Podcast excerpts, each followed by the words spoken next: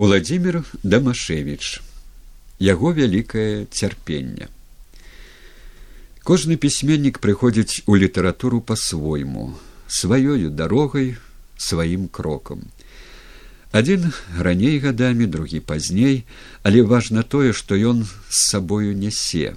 Ці ёсць у яго за душою тое, што зробіць яго вядомага ці менш вядомага прарока ці імітатара. Безумоўна, кожны хоча сказаць сваё слово праспяваць як тая птушка сваю адзіную песню якая не падобная да ўсіх іншых. А вось як гэта атрымаецца ведаць будзе толькі пасля цягам доўгіх гадоў.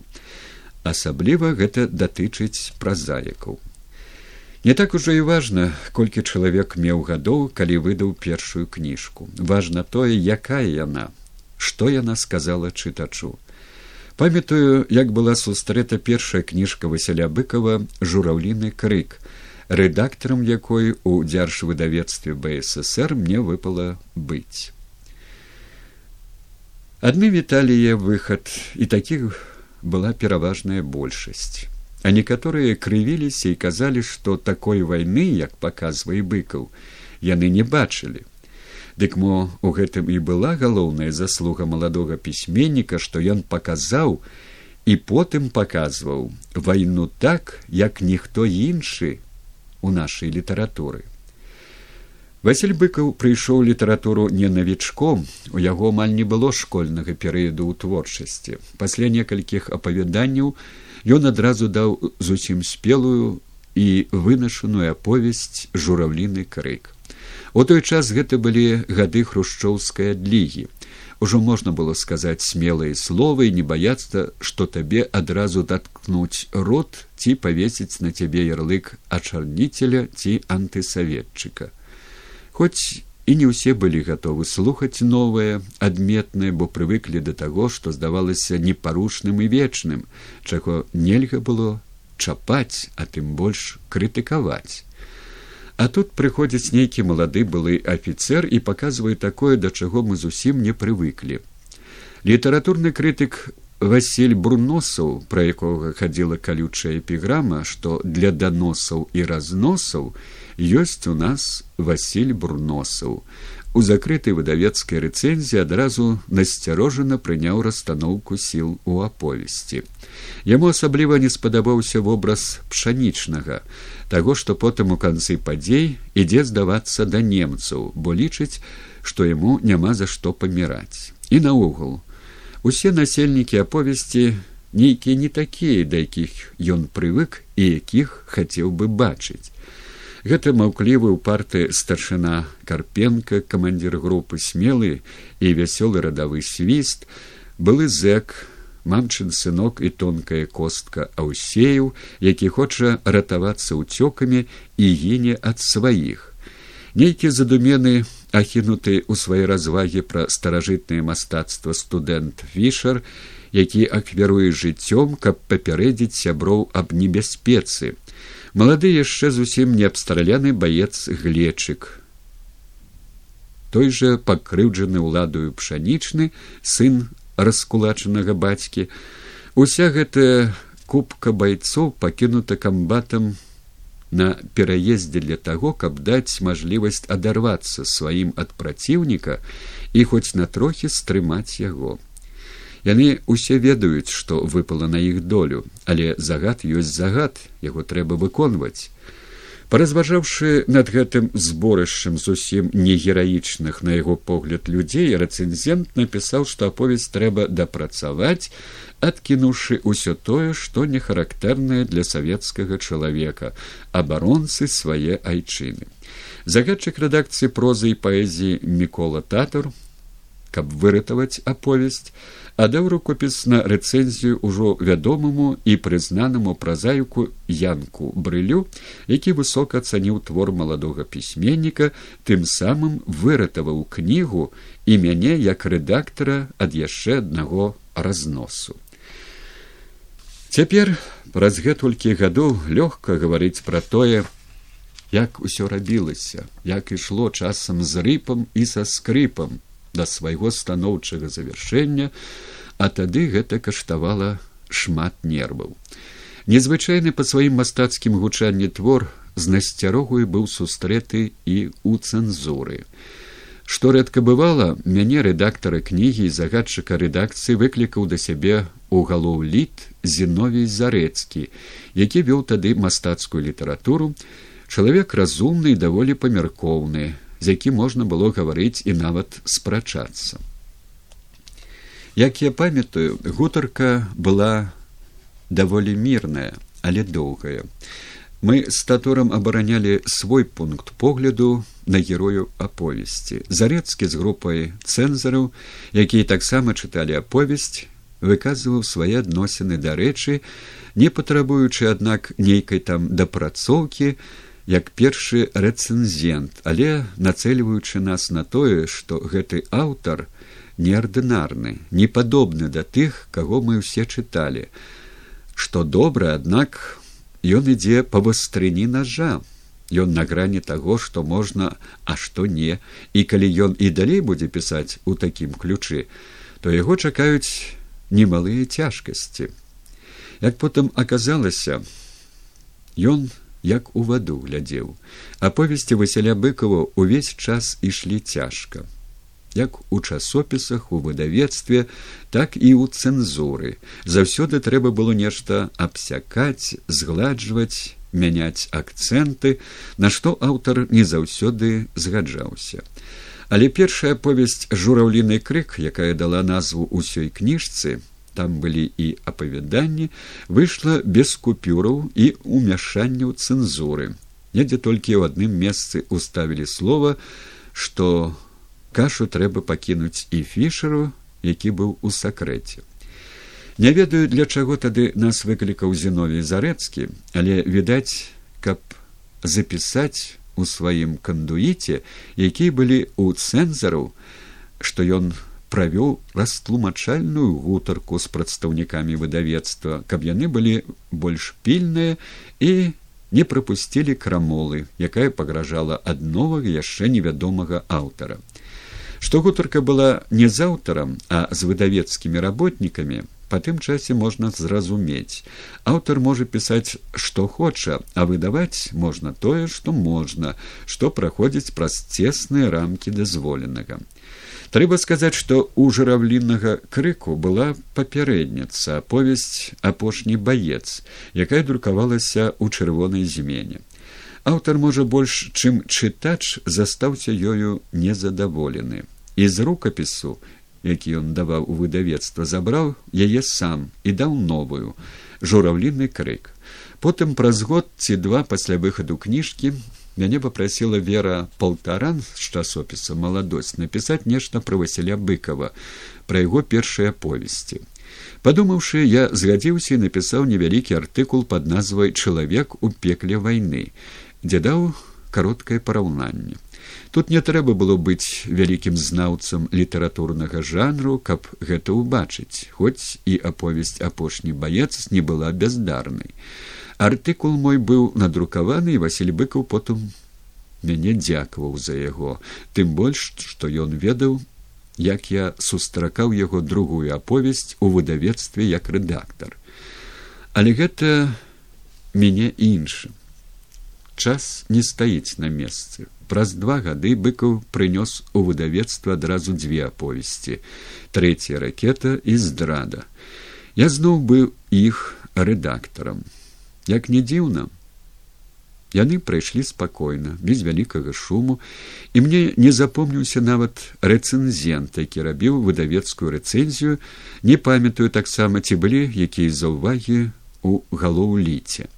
Здаецца каб былі я гэтага не забыў бы у мяне памяць эмацыянальная.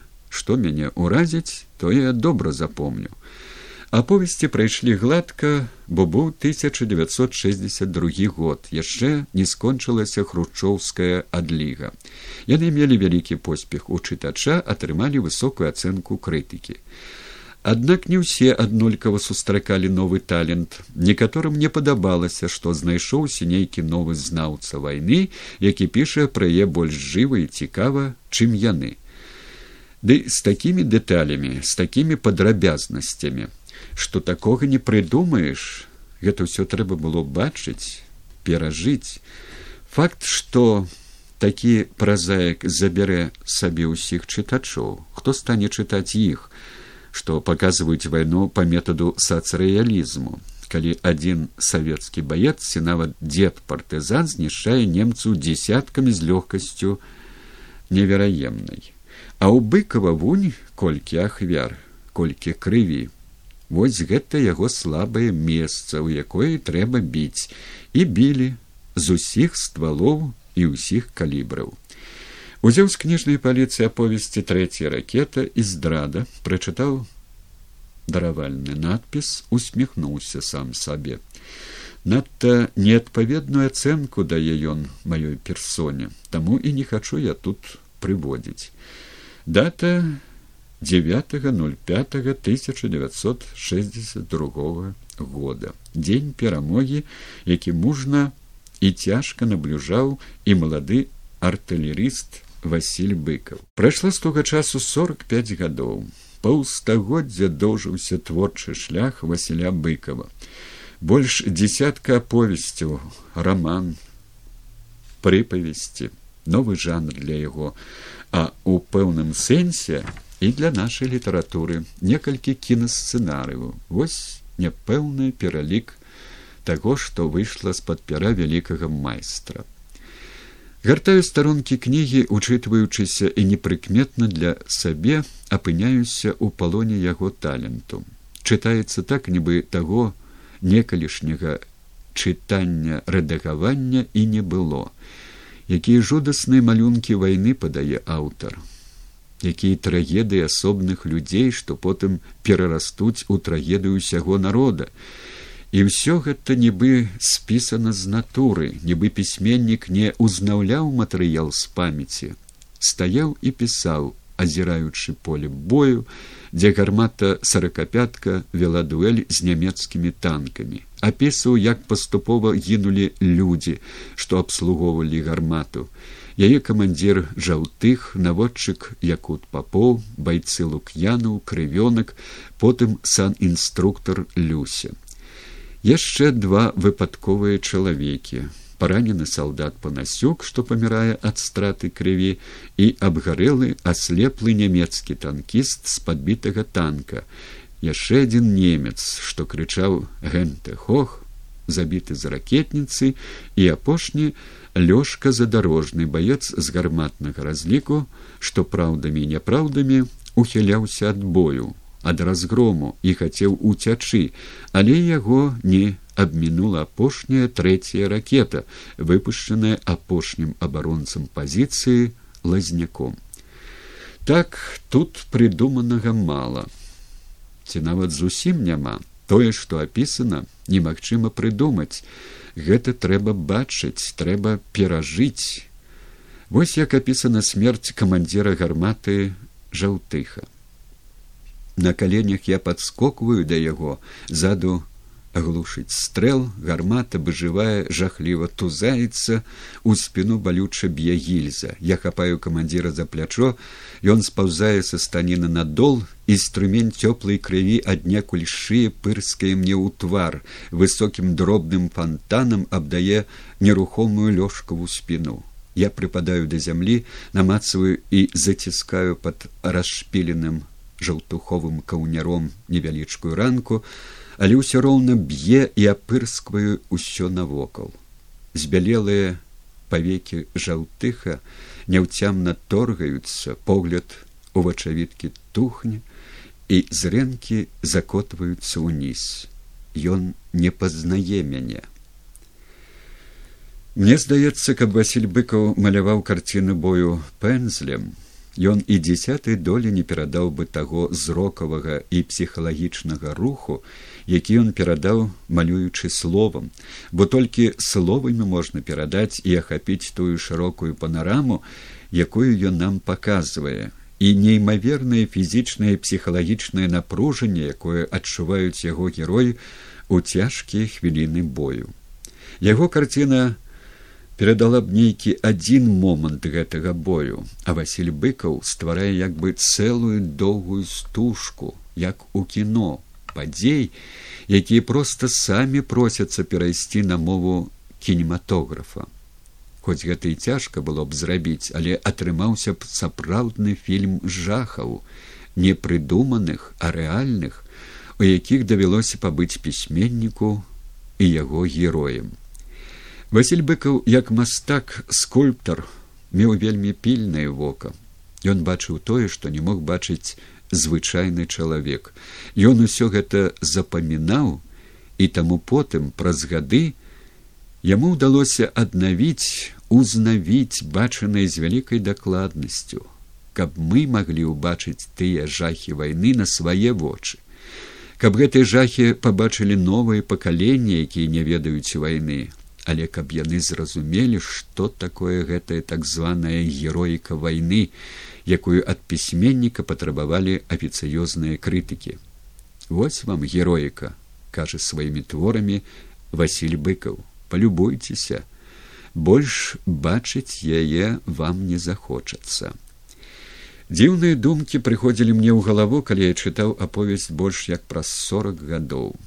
Тады яна чыталася як звычайны мастацкі твор маладога празаіка, які шмат перажыў, шмат бачыў і ведае таленавітага, але не сказаць, каб геніяльнага. Проста яму шмат дасталося ад жыцця. Вось ён і дае такі рэальны малюнак, ад якога часам варушацца валасы на галаве. Але гэта, так бы мовіць, у рамках магчымага. А сёння я гляджу на гэтую рэч зусім іначай зусім другімі вачамі. Яна мне так здаецца вызначае магістральную лінію творчасці пісьменніка пісаць так як было пісаць праўду за гэта ён будзе біты ад першага да апошняга радка сваіх твораў ад першай да апошняй сваёй аповесці Я са свае адносна невялікай літаратурнай практыкі даўно зразумеў, што калі пісаць так, як было ў жыцці, дык выходзіць антысаветчына. Чамусьці нашы ахоўнікі рэжыму праўду лічылі карамолай, хоць сам правадыр усіх працоўных заклікаў тагачасных пісьменнікаў пісаць праўду. На словах было адно, а на справе праўды баяліся як агню і прымалі адпаведныя меры не друкаваць скарачаць вырэзваць крамольныя мясціны на то і была строгая цэнзура якой не магла абмінуць ні адна кніжка хто быў вінаваты ва ўсіх нашых бедах пачатку вайны ды і потым у канцы канешне ж немцы гітлераўцы акупанты якія вераломна нечакана напалі на савецкі саюз парваўшы дагавор аб ненападзе і гэтак далей. Але тады нават дзецям было ясна што гітлер ніякі не саюзнік сталіну што гэта ворагі а сталін гатоў быў абдымацца з ім Чаму ён не верыў сваім разведчыкам, якія дакладвалі, што немцы збіраюцца напасці на нас 22 чэрвеня. Чаму ён верыў толькі ў сваю інтуіцыю, якая яго моцна падвяла. Чаму гітлераўцы мелі велізарны поспех у першы і другі год вайны. Ды таму, што ў нас не было сапраўдных камандзірскіх кадраў. 44 тысячи камандзіраў было знішчана. Чаму за першыя паўгода год вайны немцы захапілі ў палон больш за шесть мільёнаў нашых байцоў і камандзіраў. Ды таму, што яны не ўмелі ваяваць, а нярэдка і не хацелі ваяваць. За што, за каго, за дэспата Сталіна, за калгасы, за турмы і лагеры, але потым паглядзелі, што гітлер не лепшы за сталіна. Ніякай свабоды ён не нясе толькі прыгнёты смерць і пачалі ваяваць так як належыць да апошняга патрона да апошняга дыхання. Ці ж не ўсё гэта мы прачытваем у аповесцях васіля быкова? Ці не на ўсе гэтыя балючыя пытанні ён дае нам адказ калі не прамы дык ускосны по філасофскіму мудра і заглыблена Вось чаму афіцыйная крытыка не любіла твору Васіля быкова. Ён паказваў нашы балячкі, нашы промахі, наше няўменне камандаваць, імкненне перамагаць неўменнем, а колькасцю пакладзеных жыццяў. Уся наша савецкая гісторыя нібы пазначана знакам бяды, скажа пазней Васіль быкаў сваёй аповесцю. І зноў, як не дзіўна, ён усёй сваёй творчасцю, не аслабляў пазіцыі савецкага ладу. Ягоныя героі паміралі за гэты лад, ішлі на смерць з горда ўзнятую галавой, а быкова вінавацілі ў антысаветызме, дэгераізацыі подзвігу савецкага салдата, у ачарненні савецкай улады. Вось што значыць сляпая тэндэнцыя, Ён піша не так, як нам трэба, а трэба, каб мы ўвесь час выглядалі разумнымі умелымі каб не нас білі а мы білі ворага ды так што ён проста не памятаў як апынуўся под москвою і на волзе а потым драпаў аж да самага берліна вось так груба і спрошчана можна ахарактарызаваць адносіны нашай улады да свайго лепшага сына гордасці беларускай літаратуры васіля быкова так Ён быў нефарматны, яго нельга было укласці ў схему, тым больш у кішэню, якая б яна вялікая не была. Ён быў волат, а яго хацелі бачыць карлікам, слугою на пабягушках. Гэта быў чалавек вялікага розуму і шчырага сэрца, які аддаў усяго сябе свайму беларускаму народу. Каб не яго вялікае цярпенне, ён не зрабіў бы і паловы таго што ён зрабіў кінуў бы ўсё і паехаў за мяжу не лячыцца а жыць і працаваць там але ён хацеў жыць са сваім народам які ён бязмежна любіў хацеў зрабіць для яго як мага больш каб ён быў адукаваны каб умеў адрозніць праўду ад крыўды чужое ад свайго чорнае ад белага. Каб ён быў горды, не згінаўся перад дужэйшымі, адчуваў сябе гаспадаром на сваёй зямлі і ва ўласным доме, каб любіў і абараняў сваё, сваю свабоду і матчыну мову, каб быў патрыётам свайго краю. Сам Васіль быкаў быў вялікім пісьменнікам, вялікім чалавекам, вялікім патрыётам такім ён і застанецца на наступнае стагоддзе